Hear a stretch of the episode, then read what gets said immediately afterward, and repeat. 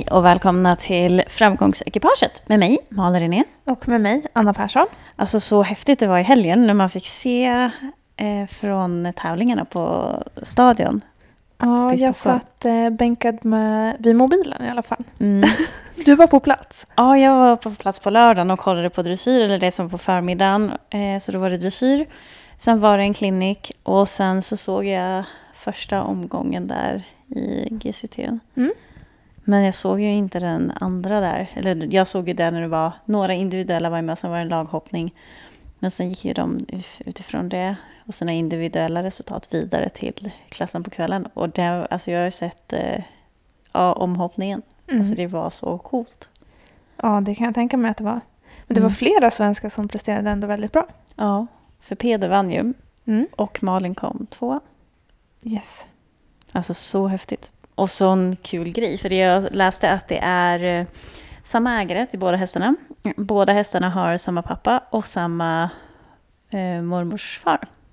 Jaha. Ja, då blir det lite extra roligt också. Mm. Nej, riktigt coolt. Ja. Och sen jag har kompisar som var där på plats sa att det var så häftigt för att alltså hela eh, stadion bara kokade. Och det var liksom fullsatt och det var jättefint väder och nej, det var verkligen fantastiskt. de. Ja, det hade de ju otroligt tur med. Mm. I slutet. Precis, i början var Torsdagen det... tror jag det inte var så bra Ja, väder. nej, då såg man de som red på torsdagen, eller i dressyren såg jag i alla fall, att där fick, var ju hästarna väldigt spända med anledning av vädret. För det åskade och regnade och det var massor vattenpölar. Ja, nej, det var inte så kul för dem. Nej. Men det gick ju bra i dressyren också. Ja. Ja, för Rose Mathisen vann både Grand Prix och eh, Kyren. Mm. Så det är jättehäftigt. Och det var så häftigt att vara på den där arenan. Eh, för den byggdes ju till OS 1912. Så de började bygga den 1910.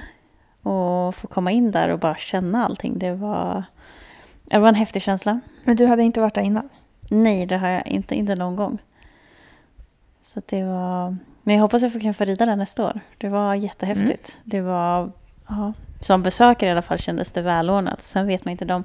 Några pratade om, eller som jobbar med hästarna, att det var lite långt att gå till stallarna. Men... eh, Jag tänker också så här, det var första året som de anordnade det här. Mm, i, på den arenan. Och eh, förhoppningsvis kommer det här komma flera år ja, framöver. de har ju sagt att det ska vara fem år. Fem år.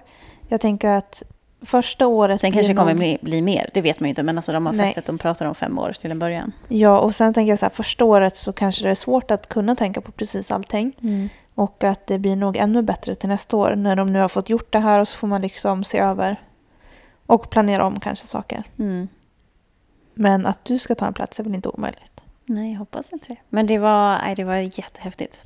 Ja, jag kan tänka mig det. Ja, det, man blir så här, det ja, som på många ställen när det, är liksom, det har hänt mycket saker och varit mycket saker. Det blir lite som att man står där och tittar och begrundar. Man har inte så mycket att säga för man blir ja, lite tagen av omgivningen.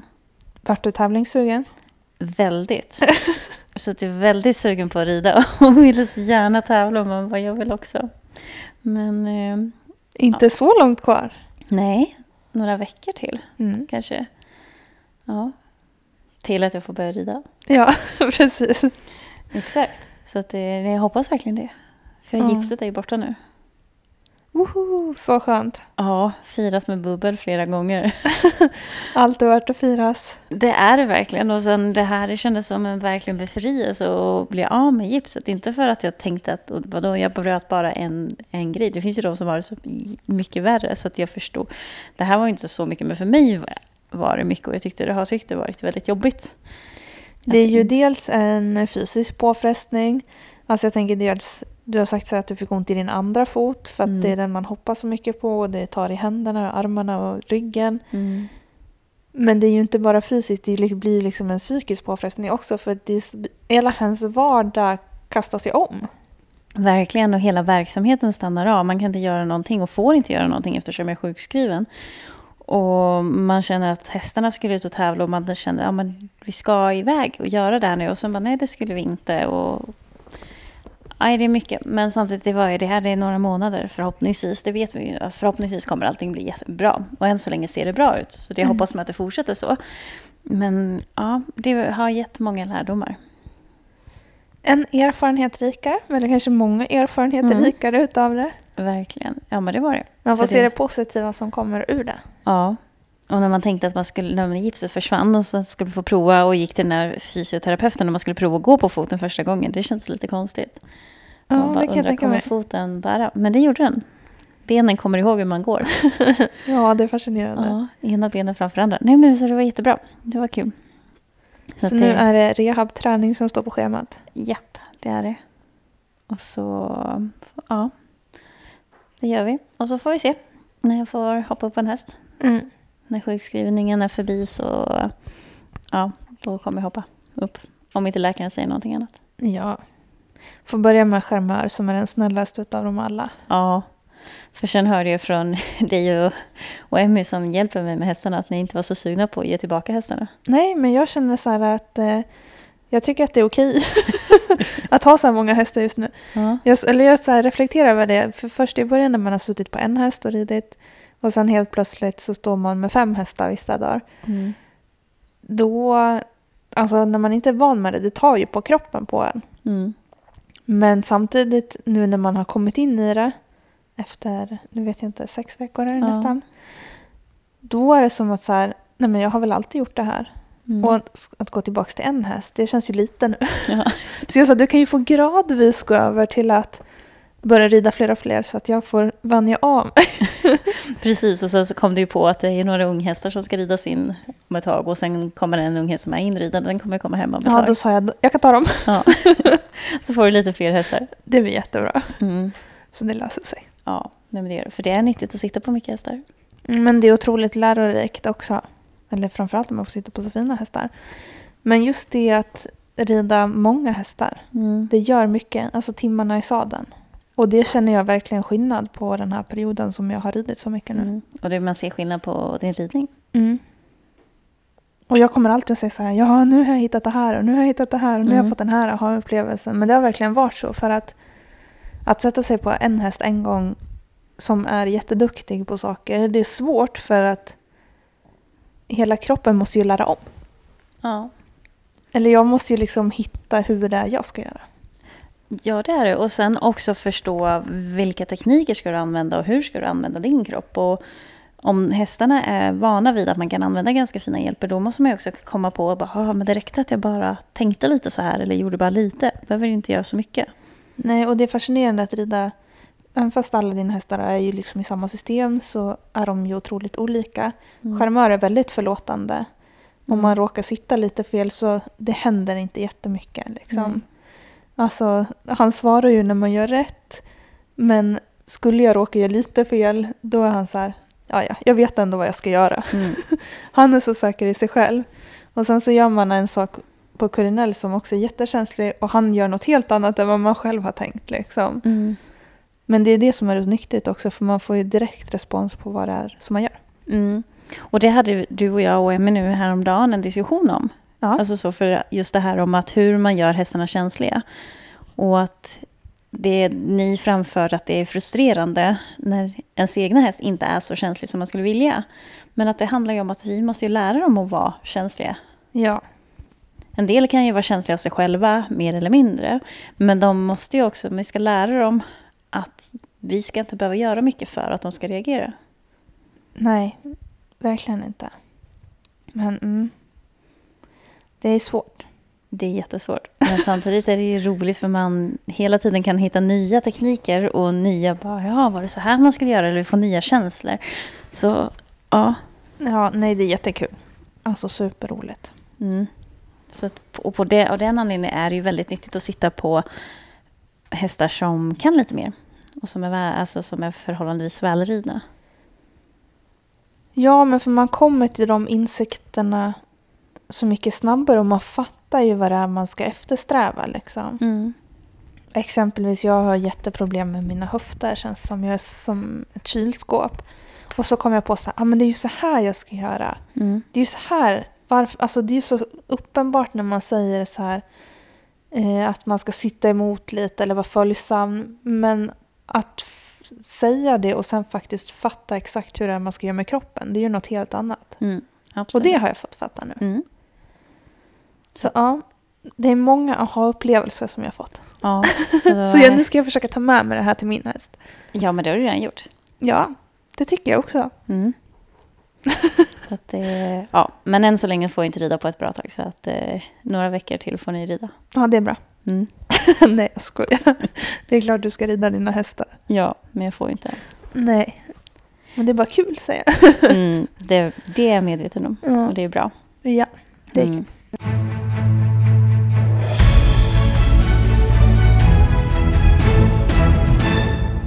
Eh, Förra veckan pratade vi om det här med betesläpp. Yes. Och eh, en grej som man ofta hör i samband med att man ska släppa hästar på bete, framförallt ponny, eller ponnysar, är att de säger, man säger så här, ja men risken för fång är stor. Mm. Och jag hade, ja nu innan det här, jag tycker inte bra koll på vad fång är, men jag hade koll på vad det var. Eh, och eh, så pratade du och jag om, men vad är fång egentligen? Vad, liksom, vad, vad är symptomen och vad är orsakerna och varför kan en del få det ja, på vintern eller på hösten eller våren eller sommaren? Alltså, det, det är inte bara så att det är ponnysar som får det Nej, när de går ut på sagt- bete, utan de kan, Mm. hästarna kan få det precis när som helst på året. Ja, Eh, så det finns inte exakt sammankopplat med just enbart bete. Nej. Och det var väldigt intressant när man har fått läsa mycket om det nu. För jag alltså, det har både du och jag gjort nu, läst väldigt mycket om fång. Mm.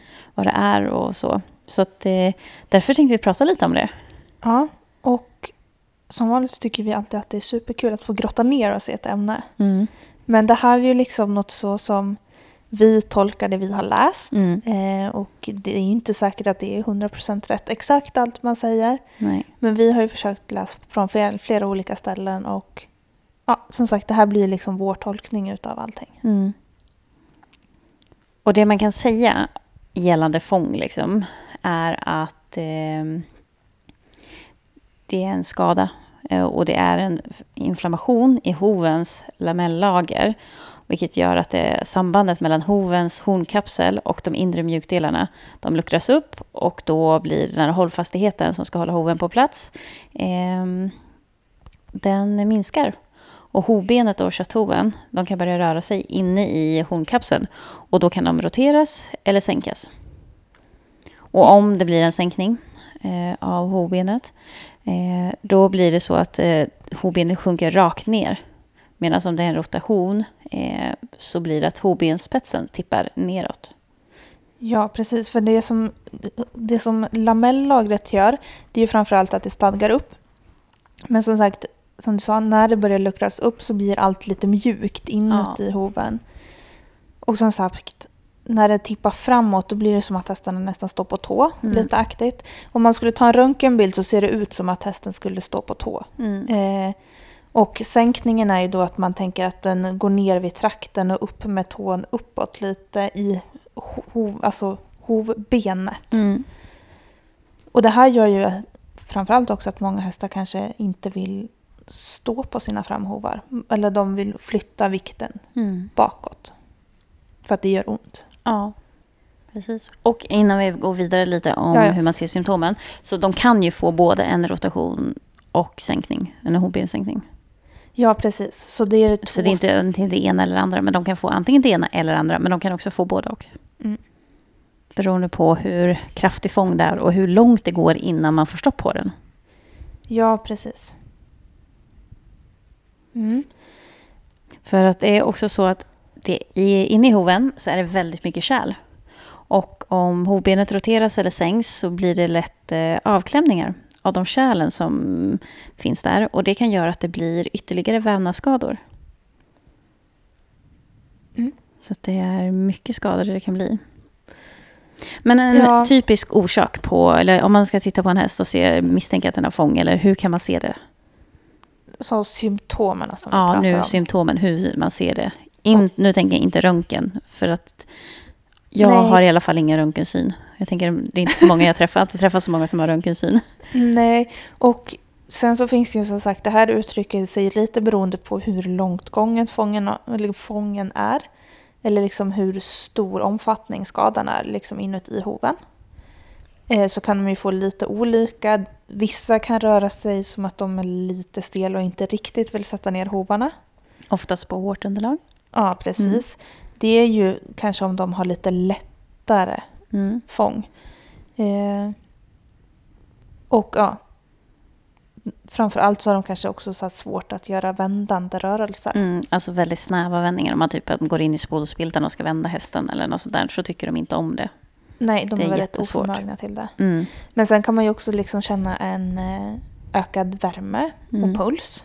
Mm. Ja, pulsen i koten kan man känna. Ja. Och värme i hoven. Men sen kan man också känna att kronranden börjar bli mjuk. Mm. Vilket inte heller är, känns jättefräscht. Nej, och där måste jag flika in också. Vet man inte hur man tar pulsen vid kotan så be någon visa er hur man gör. Mm. För det kan, är jättenyttigt att ha koll på. Ja, för det kan man också, exempelvis om de får en hovböld eller någonting, så kan man känna av pulsen. Ja, Eller om det är någonting annat i hoven som kanske är inte är helt hundra. Om man misstänker någonting så kan man eh, känna pulsen. ja precis. Så det, alltså det enklaste är att antingen sök på YouTube eller något. Mm. För där antar jag att man kan söka reda på det. Eller fråga någon som kan. För att som sagt, det är jättenyttigt att kunna en sån sak. Mm. Absolut. Och det är inte så svårt. Nej. Och jag läste någonstans eh, i någon eh, artikel att fång, typ redan på 1700-talet så pratades det om fång. Men att det fortfarande är ju inte... Forskarna har inte, eller veterinärerna eller de som forskar på det, känner att de fortfarande inte har kommit på allting. Nej, för att det är ju inte, det är ju inte en enkel sjukdom i sig. Utan den kan ju liksom ha orsakats av många saker. Så. Så att det är väldigt många frågetecken som kvarstår. Men fortsatt, flera symptom finns det också. Mm, de Dels så kan de vara väldigt ömma Mm. i hoven. Om Ja. man exempel trycker på den. Mm. Eller i med exempelvis en hovtång. Mm. Ja, Eh, för man kan ju trycka med hovtången fram i tån oftast då. Ja. Och känna att de är ömma. Eller liksom på undersidan av hoven. Mot hovväggen och känna liksom att är de ömma där mot hovbenet.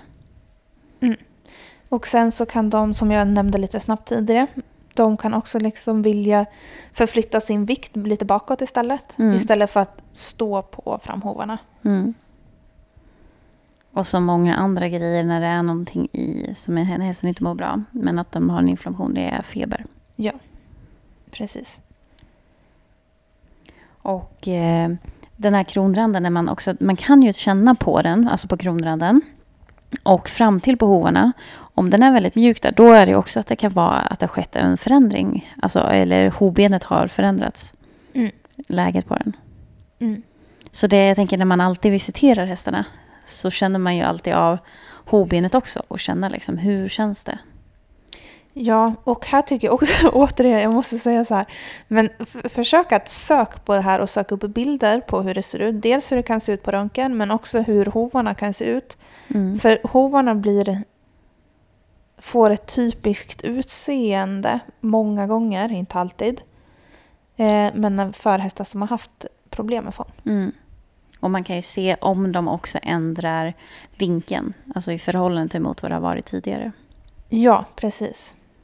Och så då kollar man liksom vinkeln fram på hoven.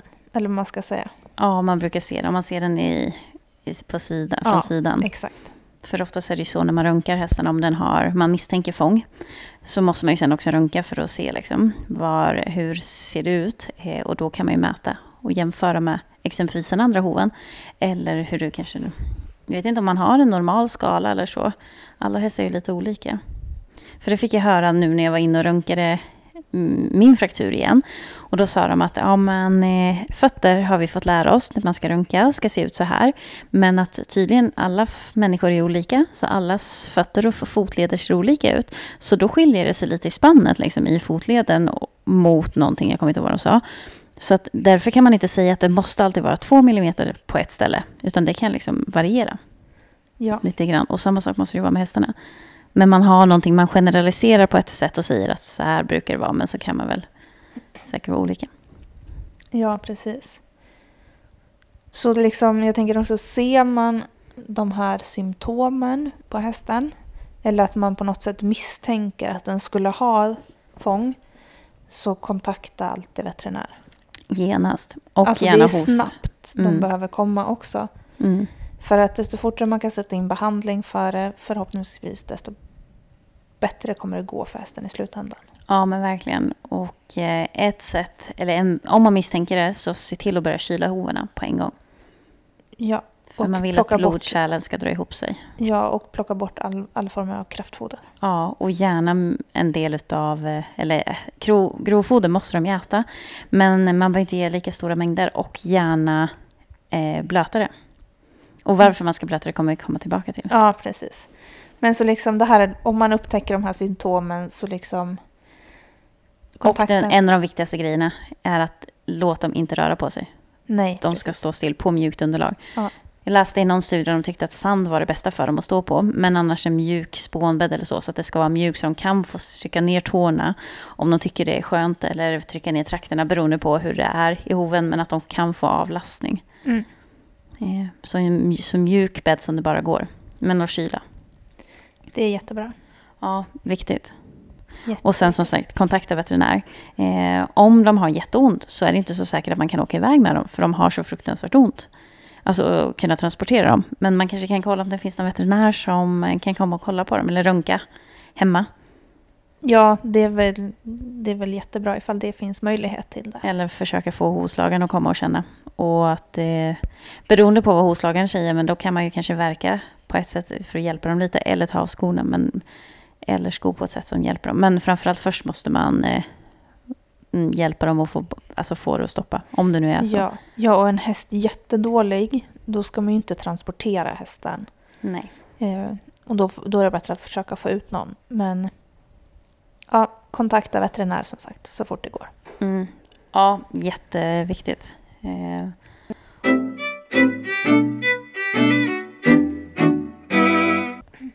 Men vad kan det, varför, varför får de det här då?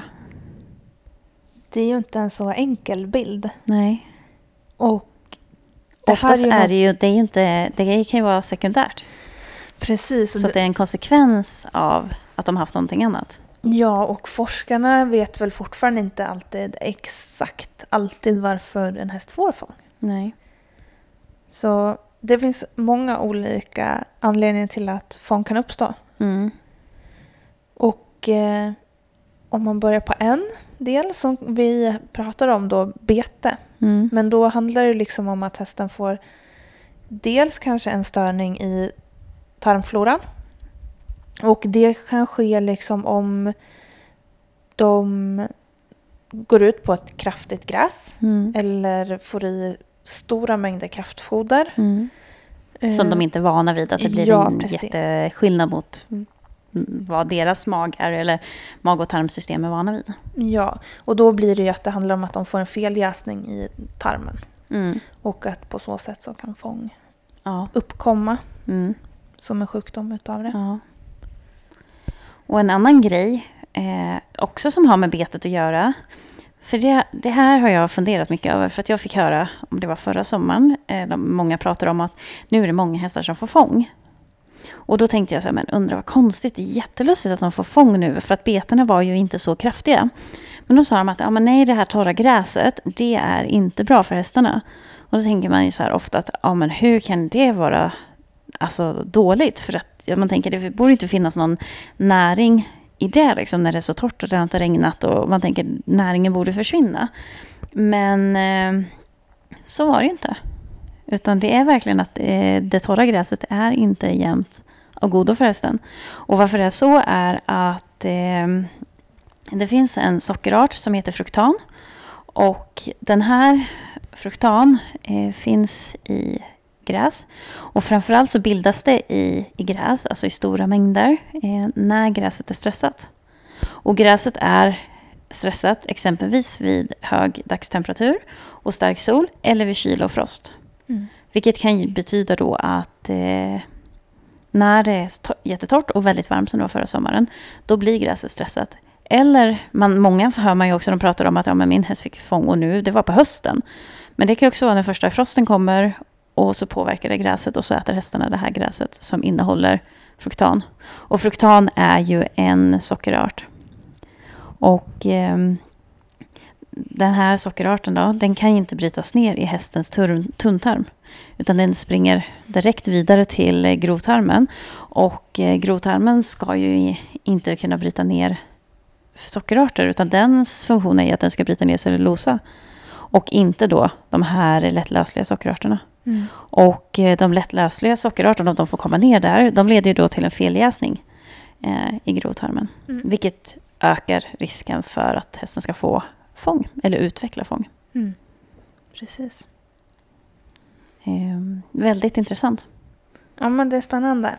Och eh, skulle man liksom förstå hur de här sockerarterna fungerar i gräs så kan man också liksom se samband över när kanske man ska skörda när man ska slå gräset menar du? Alltså slå gräset, mm. skörda. Och det så pratar du om att dels, ja men sen dels ska man ju, för det pratar man ju också mycket om nu, för nu är det ju, vi slog häromdagen. Ja. Så att förhoppningsvis så ska hört köras in imorgon. Mm. Eh, men att eh, dels så pratar man ju om när går till att ta in ut ur gräset. Ja och se när det passar bäst. För vi vill ju inte, om man ser kobönderna, de kör ju mycket tidigare för de vill ha mycket högre proteinhalt mm. i gräset än vad vi vill ha. Till hästarna, unghästar och digivande ston behöver absolut, men inte tävlingshästarna. Nej, och då väntar man lite längre än vad kobönderna gör när de kör sin första skörd. Men då pratade du ju om det här när man skulle skörda gräset, alltså när på dygnet. Ja, exakt. För socker går in och ut ur eh, liksom stråt, eller vad man kallar det. Mm. Och, så det eh, varierar under dygnet? Precis. Ja, precis. Exakt. Mm. Och eh, det, ja, det är inte bara så enkelt att tänka att nu ser det fint ut gräset, nu slår vi det. Nej, och det är det här som är så intressant, för desto mer man liksom grottar i de här ämnena, desto mer lär man sig. Mm. För att jag har ju aldrig haft en häst med fång. Nej, inte jag heller. Eh, och då blir det att man inte riktigt tar reda på all fakta kring det. För sen när det väl händer ens egna häst någonting, då tar man reda på allt. Mm. Så det här är superkul. Och då kommer vi tillbaka det här med att man skulle blötlägga maten. Ja. Mm. För det här fruktan som vi pratade om, den här sockerarten som inte är lätt för hästarna att bryta ner.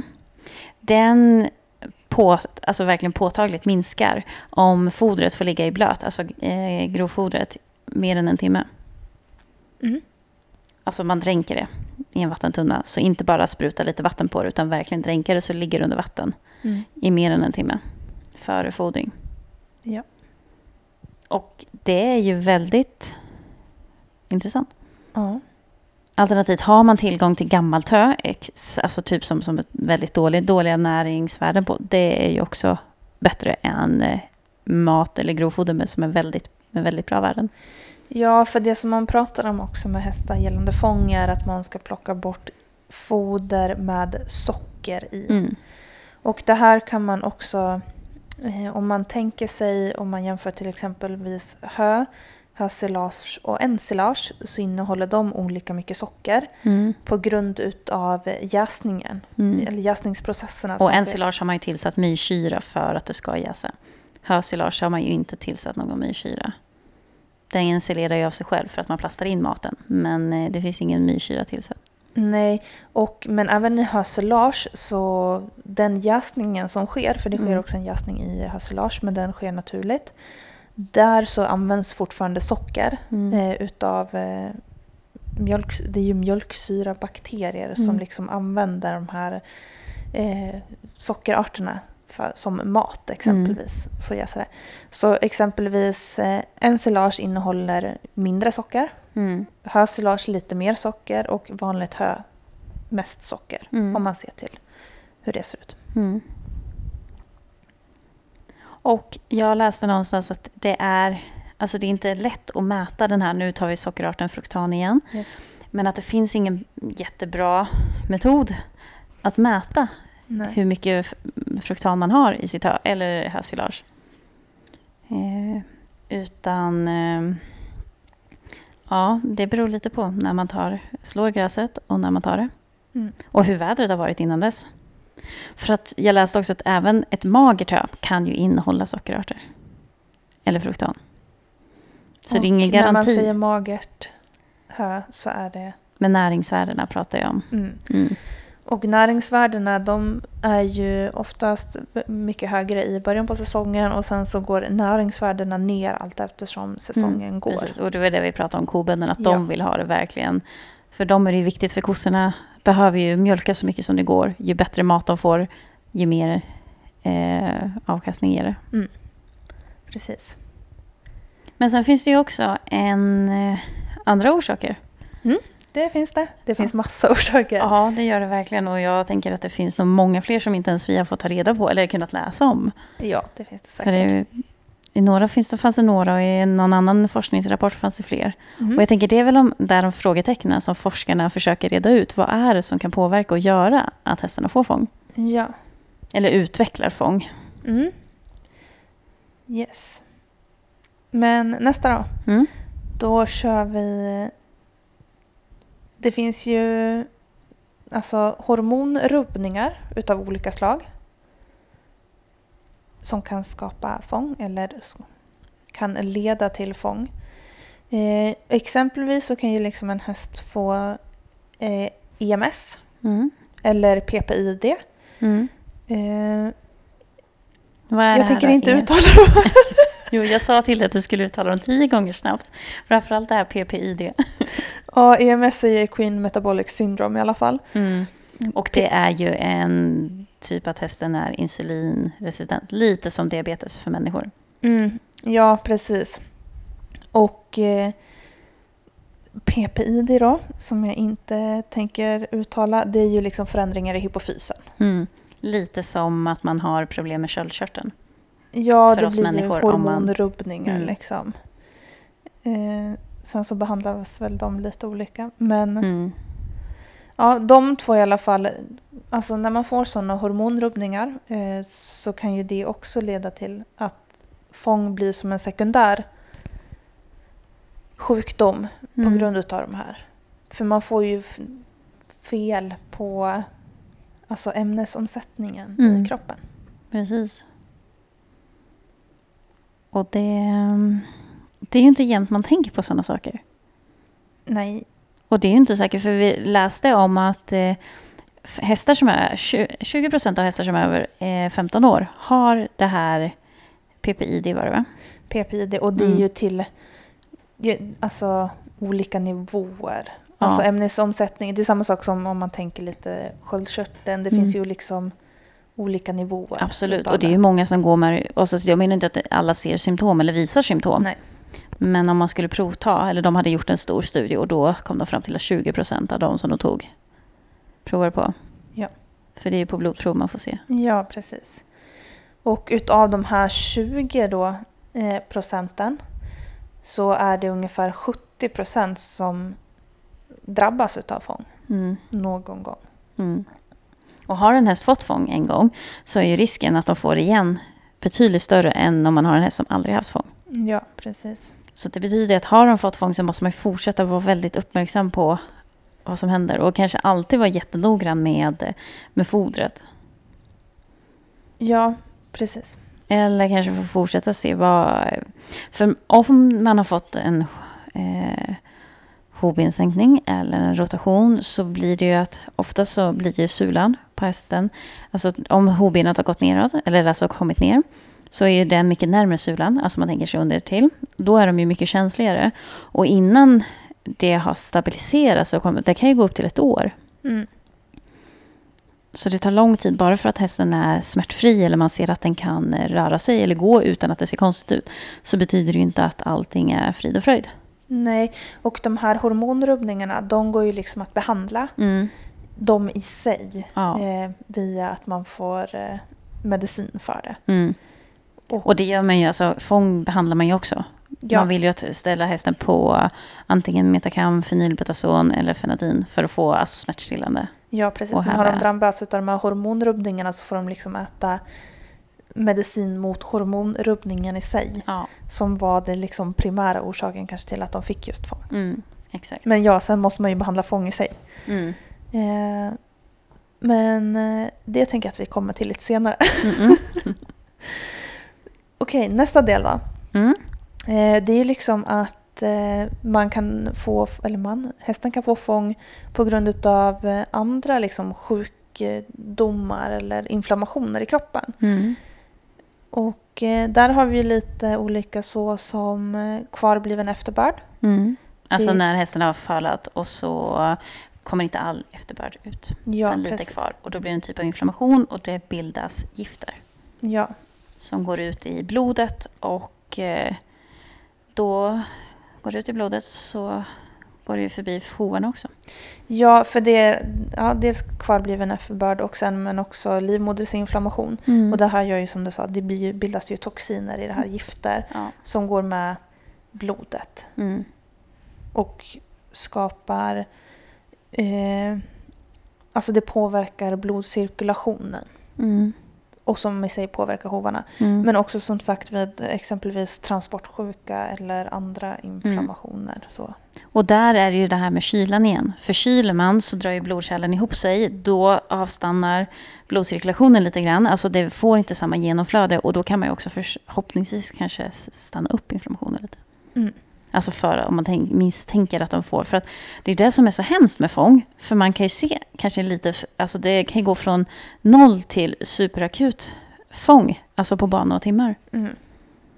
Så det är inte så att man tänker att ja, vi har många timmar här på oss. Eller liksom lång tid. Utan det kan ju verkligen gå jättesnabbt. Ja, och som sagt det är därför som vi sa där tidigare i början att misstänker man ens fång så ska man börja vidta åtgärder direkt för det och kontakta veterinär. Mm. Eh, men man kan ju som sagt göra saker själv tills dess att veterinären kommer Mm. för att försöka stoppa det. Ja, absolut. Så att det är, men alltid eh, jätteviktigt. Ja.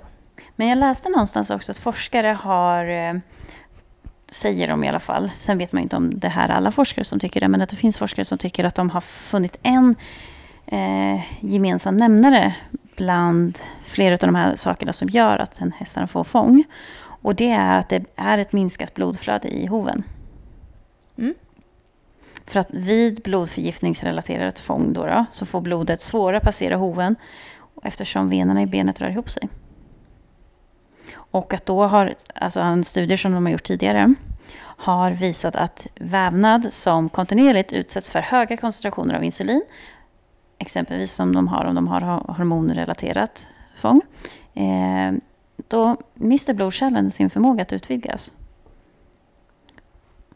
Mm. Mm. Och om, sen finns det en, en typ av fång, eller en orsak till fång, som vi inte har pratat om än, och det är ju överbelastning. Ja, precis. Och det kan också göra att det blir ett minskat blodflöde i hoven. Mm. Och det här med överbelastning då, vad är det? Ehm, överbelastning kan ju vara exempelvis om en häst har en hälta av något slag. Mm. Exempelvis, eller det kan ju liksom vara andra sjukdomar eller skador som kanske gör att hästen står och belastar exempelvis ett ben, alltså den lägger vikten, flyttar vikten till ett ben och har högre vikt på ett ben än ett annat. Mm. Och då blir det ju så att det benet som den inte lägger vikten på... Eh, vänta, hur blir det? Nej men den står ju och belastar ett ben. Om, säg Ja, ponera att hästen har jätteont i vänster ben. Ja. Ja, den har ont i vänster ben för att den exempelvis har en hovböld eller den är jättehalt, har vricka, alltså någonting som gör att den har väldigt ont. Den vill inte lägga någon vikt på vänster. Mm. Nej, och då överbelastar den höger istället. Och då kan den få överbelastningsfång på höger. För att den har liksom belastat den foten så mycket mer i förhållande till vad den har gjort den andra. Ja, precis. Exakt. Så det är motsatt den som den har hälta på. Ja, exakt.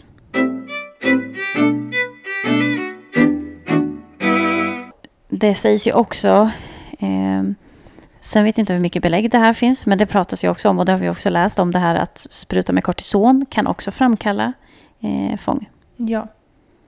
Och det är ju något som eh, viss, vissa veterinärer, jag vet inte om alla säger det. Eh, eller, att man kan, eller att man informerar det. Men, och det här är ju liksom inte heller något som kanske är superforskat på. Men man har sett att det kan uppkomma efter behandling. Mm. Men, sen då, men då tänker jag också så här att det kanske inte är kortisonet, eller så kanske kortisonet är med och hjälper till på något sätt. Men det kan ju också vara att hästen har haft jätteont i det ena benet och så blir det en överbelastning och så får den kanske lite fångkänning och så kommer kortisonet göra något. Eller jag har inte en aning, för vi har inte hittat vad det är som vad i kortisonen som skulle göra att den får fång. Så är det någon av er lyssnare som vet varför det är så med kortisonet? Det vill vi jättegärna veta. Ja, det skulle vara spännande. Mm. Men ja, som sagt, allt relaterat till fång. Det finns mycket kvar att forska på inom det här för att förstå ämnet ännu bättre. Mm. Och ibland så är det liksom svårt att veta exakt varför en, en häst får fång. Mm. Ja, för det kan vara flera olika saker. Ja, ja verkligen. Mm. Ja, nej, det är svårt. Jag hittade en annan, eh, Mm. doktor, eller en annan doktorsavhandling som var ganska intressant. Att eh, de delar in fång i, alltså i olika stadier. Mm. Och det gör man också alltså internationellt. Så finns det då en gradering. Och det är uppkallat efter en eh, svensk veterinär som heter Nils Åbel. Och han skrev då den här doktorsavhandlingen 1948. Och då finns det fyra olika grader. Där en grad nummer ett är liksom den första som är den ja, minsta, eller vad man nu ska uttrycka det, den lägsta graden. Och då säger den att eh, hästen står ofta och skiftar vikt mellan benen, alltså den lyfter hovarna. Och i skritt syns ingen hälta, men i trav visar hästen ett kort styltigt steg. Och eh, om den tillfrisknar så är det oftast eh, det korta styltiga steget som man ser. Sen finns grad nummer två. Och då är det att den säger att det är lätt att få hästen att skritta, men den har för fång karaktärisis, karaktär... Ja, nu kan jag inte prata. Karaktäris, äh, kan inte prata, förlåt. En gång. Karaktäristiskt. Ja, precis. Kort och eh, dubbelslående steg. Och ett framben kan man oftast lyfta då utan problem. Eh, och så finns grad nummer tre, att den skrittar motvilligt och att den vill helst inte att man lyfter frambenen. För att varför den inte vill att man lyfter frambenen då, om fången är på frambenen, är ju för att det gör så ont att stå på det andra. Ja, precis. Och den sista graden är att hästen rör sig endast om man tvingar den till det. Och då har den ju verkligen jätteallvarlig fång. Mm. Så, och fånganfall, de börjar ju med grad nummer ett. Och förhoppningsvis kommer de inte till fyra. Men eh, det kan det ju mycket väl göra om det går väldigt fort. Ja, precis. Mm. Men eh, ja, det är, eh, ja, det är hemskt. En, man ser, nu har inte jag haft någon fånghäst, men jag har sett kompisar som har haft hästar som har fått fång eh, och man lider med dem. Ja, verkligen. Och alltså som jag dels också så nämnde vidare var att de exempelvis lägger vikten till bakbenen. Alltså får en häst fång så har den ju oftast inte enbart fång på en hov. Nej, Och inte bara fram heller, utan det är ju det runt om. Mm. Men oftast är det ju fram Ja. på ett ben eller på båda. Mm. Men skulle det visa sig, eller man misstänker fång eller om man konstaterar att det är fång så måste man ju verkligen ta bort den eh, utlösande faktorn. Ja. Så man får bort det så att det inte får fortsätta utan man får verkligen stopp på det. Men det är det som är så svårt också för man kanske inte vet. Vad är den utlösande faktorn? Vad är det som har gjort att hästen... Ponera att man är mitt i vintern och så helt plötsligt är hästen jättehalt Mm. och inte vill gå. Och så man bara, "Jaha, vad händer nu liksom? Ja.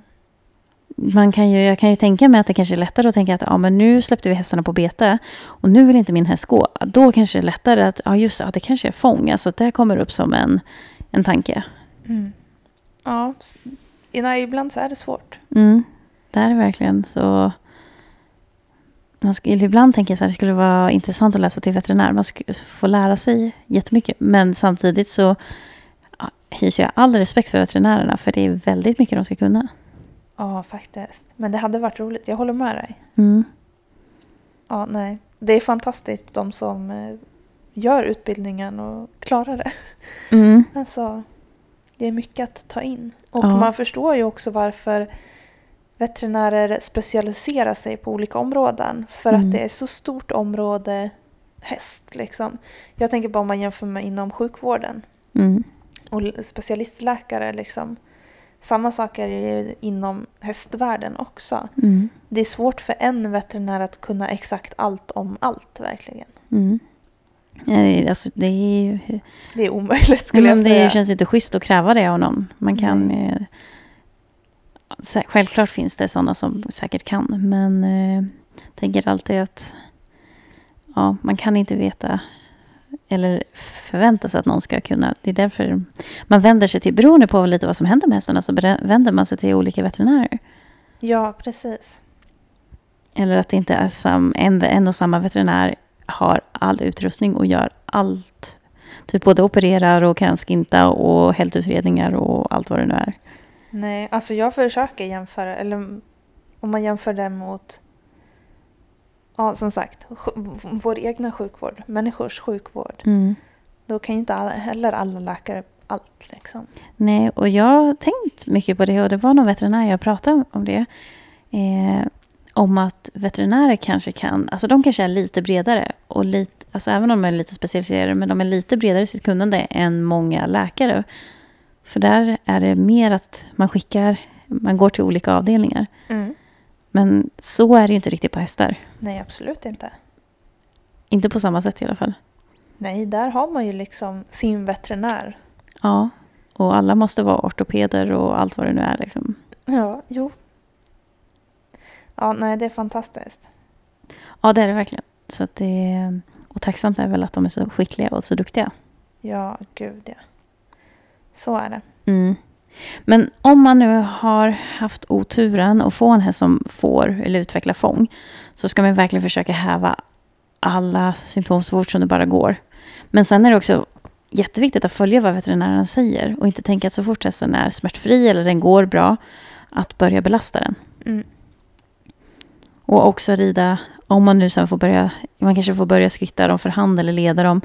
Men att man också tänker då att man går på vilket, under, vilket underlag man går på. Man kanske inte ska ut och gå på den hårda asfalten.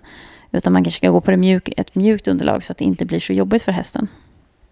Ja, precis. Eller inte så ont eftersom om nu du på ner ett hovbenet har gått ner eller alltså det är lite uppmjukat i hoven eh, mot vad det brukar vara så är, kan det inte vara jätteskönt att gå på hårt underlag. Nej. Nej, verkligen inte. Och också nu det här pratar du om när de är lite friskare. Ja, För att innan dess så ska de ju, som du nämnde först, nej de får inte röra på sig. och inte Ja, röra absolut. sig. Nej men gud ja. Men när veterinärerna säger, för jag tänker Mm. när veterinären och hovslagen tycker att nej, men nu är det okej, nu kan hästen börja skritta eller vad det nu än är. Eh, att Ja. man följer det, inte påskyndar. Nej, och det här kan man också, tänker jag, ta hjälp från hovslagare. Mm. För att eh, hoven förändras ju. Mm. Och att man kan få hjälp från hovslagarna med Mm. hästar som har fång. Precis, och de kan ju känna av ofta och se liksom, eh, men känna mentalt, bara, hur känns det mot hovbenet nu? Är det liksom nära och kan man känna på sulan, är det mjukt, inte mjukt, hur känns det? Känns det som vanligt? Ska man lägga någon annan typ av skor på dem? Ska de ha sula med mjukt silikon eller någonting? Mm. Vad kan man göra för att underlätta för hästen? Ja, precis. Eller ska man eh, verka den så att den har lättare att stå på tå? Om den inte vill sätta ner sina trakter eller ja, vad kan man göra? Ja, och det här är ju också när hästen är lite friskare, inte under den alltså mest eh, alltså, kritiska perioden som är liksom i början. Nej, för då kan det ju eh, till och med vara så att hästen inte ens vill stå på det andra benet. Alltså Ja. du kanske inte kan lyfta hovarna för att den har så ont. Och det är, man ska liksom inte gå in och förändra för mycket i just den processen för hoven, utan där och då handlar det också mycket om att låta hoven läka. Mm. Precis. Eh, det man alltså också ska tänka på hela tiden, och det gäller ju direkt från det att hästen har utvecklat fång och under hela perioden, det är ju att även fast hästen vilar och den har fång och sen när den börjar träna så måste man tänka på att hästen ska ju fortfarande trots det här få i sig rätt foder. Mm. Eh, Och det är ju jätteviktigt. Eh, Hästen ska ju fortfarande äta eh, så mycket grovfoder som möjligt men man bör ha en anpassat grovfoder Mm. för hästar med fång. Ja. Och liksom hästen måste ju fortfarande få i sig alla vitaminer och mineraler som den ska ha och den måste ha råprot- smältbart råprotein också. Mm. Och det är jätteviktigt för annars kommer hästen tappa allt. Ja, eller så får den andra problem Ja, precis. som man inte vill ha. Ja, Och sen kommer ihåg det där också, att väldigt bra blötlägga. Ja. Och verkligen dränka det i vatten. superbra tips. Ja, faktiskt. Ehm, lite svårt kanske på vintern, men man får väl ha det. Man får försöka lösa det, för det är viktigt. Alltså hästarna måste ju, för man måste kunna häva det, få det att funka igen. Annars, det finns ju risken att hästen inte blir bra. Mm. Och att man får ta bort den. Ja, precis. Så är det ju. Ja, Absolut. jätte... Men dit hoppas man ju verkligen inte att man kommer.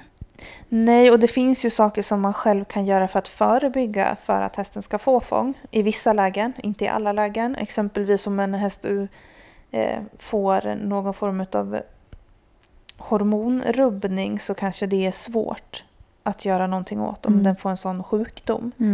Eh, men exempelvis så kan man med eh, exempelvis alltså att man gör de här gradvisa övergångarna till nytt foder. Mm.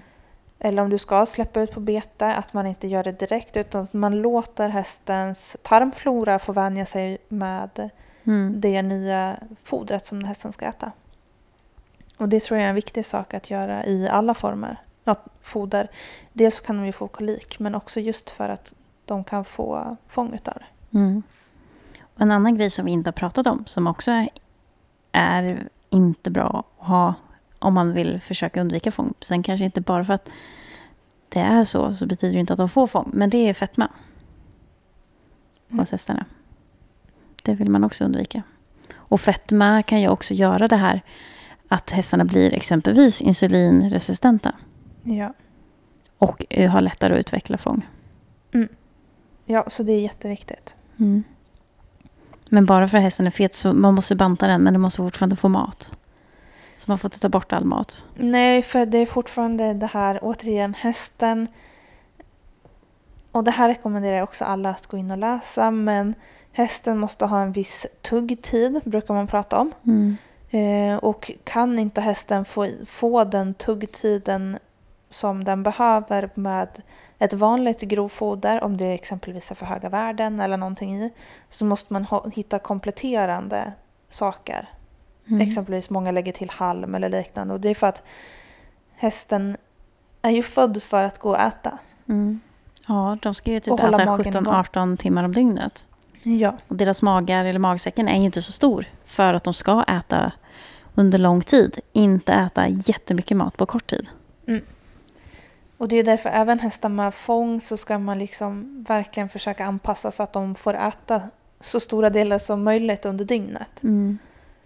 Men då kan man ju också, om man kanske kan lägga i någon så här bollar eller vad man nu kan lägga i eller finns det något annat sätt man kan lägga det i som gör eller något hönät eller så.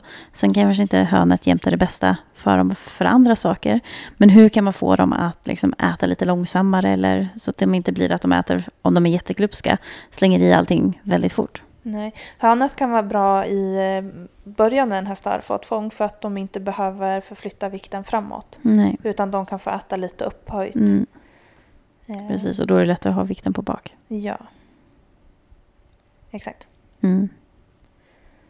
Ja. Nej, men mycket intressant fick man läsa. Fast jag blev lite med lite ont i magen när jag läste mycket för att det är vilken smärta för hästarna. Ja, verkligen. Men det är det. Och eh, det är ju, jag tänker återigen så här, det är ju vår... eh, Sen är det ju som sagt, man kan inte alltid undvika allting. Men jag tycker att man alltid ska försöka som hästägare eller djurägare liksom tänka en ex- extra gång vad det är man gör. Och om man själv kan påverka det. I många så gånger så kanske det inte går att påverka. Nej, allt kan man inte. Alltså så. Men man kan försöka så mycket som det bara går. Ja. Och vara noggrann med vad ger man för foder eller hur ser det ut. Eller när de ska byta foder. Att inte göra det för snabbt eller släppa ut dem på jättekraftigt bete. Eller kanske det här om man tänker sig med gräset. Ja, det kanske inte är superlätt. Och går de på bete så går de ju på bete. Liksom. Men att man... Eh, Ja, och transportsjuka det är också något som man kan försöka undvika så Mm. mycket som möjligt. Liksom. För det också var en orsak. Men det finns saker som går att göra och det finns saker som inte går att göra. Mm. Framförallt en jättebra grej att ha koll på hästarna. Mm. Titta ofta på, på dem. Jag visiterar dem, känner igenom ben. Mm. Det är, eller, ja, jag tycker att det är viktigt att man gör det varje dag. Ja, då är det ju också lättare att upptäcka om någonting inte står rätt till. Ja, det är det. Och det är alltid bättre att ha koll eller försöka veta hur man gör saker eller känna av, kan jag känna pulsen på min häst? Och inte bara när det är eh, den har fått någonting. Nej, utan att man vet hur den är i normalläge. Mm, För då är det lättare att känna nu är det någonting som inte är normalt. Ja. Ja, vi lärde oss i alla fall rätt mycket mer, eller väldigt mycket mer. Mm. Och fick eh, bredda våra synfält efter att vi fått läsa ett antal timmar om det här. ja, nej, det är eh, väldigt spännande. Mm. Och egentligen så finns det så mycket mer att prata om det här också. Ja, Och eh, ja, det är ett intressant ämne och det är kul att få lära sig mer om det. det är absolut. Så vi hoppas att ni har fått med er någonting utav det. Ja. Även om vi har flummat om mycket från början till slut. Men eh, i alla fall att ni kunde ta ur någonting utav det. Ja, och jag tycker att gå in och kolla hur man kollar pulsen. Mm. Om man inte kan det eller fråga någon. Mm. Och sen kan man ju också så här, för att förstå lite mer vad det är vi pratar om, sök på bilder på alltså röntgenplåtar exempelvis. Eller an, hovens anatomi så kan man få lära sig ännu mer om hur det ser Ja. ut. Exakt. Det är också nyttigt att kunna själv. Mm. Ja, men det är det. Så man inte står där och bara oj, nu förstår jag ingenting. Nej, och det blir lite lättare att se vad det är vi pratar om när man pratar om att man får en sänkning eller att eh, alltså man får en rotation. Mm. Och att hur de här olika lagren i hoven hänger ihop med varandra. Ja, ja men verkligen. Det är... Igen känner man så här, det hade varit spännande att läsa till veterinär. ja, gud ja. Ja. Men man får lära sig så mycket som man bara kan utifrån ja, det man har. Liksom. Ja, Men väldigt intressant. ja det är det. Superintressant. Har ni något annat ni kommer på att ni tycker det där ska ni ta upp eller någon person ni tycker att vi ska intervjua så mejla oss på framgångsekipaget gmail.com. Gå också in på Instagram. Där finns vi under Anna Persson med 4S och SG Stable Dressage. Mm. Och på Facebook-sidan Malin René. Exakt, Och hemsidan skstable.com. precis. Så in och kolla. Gör det. Ja. Vi kommer nu att njuta av lite semester. ja, vi åker ju utomlands. Ja, det ska bli så skönt. till varmare breddgrader. Även det, låter, det låter lite dumt att säga det. För att det är ju väldigt härligt här hemma i Sverige nu. Ja, det är det. Men det blir lite miljöombyte också. Ja, men det blir det. Ska ligga vid poolen och... Rehabträna. Ja, precis. I några dagar. Ja. Jag ska försöka få bort min den här brännan lite kanske. Mm. Eller jämna ut den lite. Ja, jag säger bara lycka till. Jag vet hur det var förra året med min bränna. Det var inte det så... blir solskyddsfaktor på de ställen där jag Precis. är brun och Ja, resten tjuta. det kommer bli toppenbra. Det blir superbra. Ja, nej, vi åker till varmare breddgrader ett par dagar. Bli Men eh, snart tillbaka hemma i Sverige igen. Ja. Men vi hoppas att ni får en helt underbar vecka. Var rädda om er. Ge er hästar mycket kärlek och kolla of- ofta på dem. Mm, visitera och ta hand om dem. Exakt. Så hörs vi snart igen. Ha det så bra. Hej då!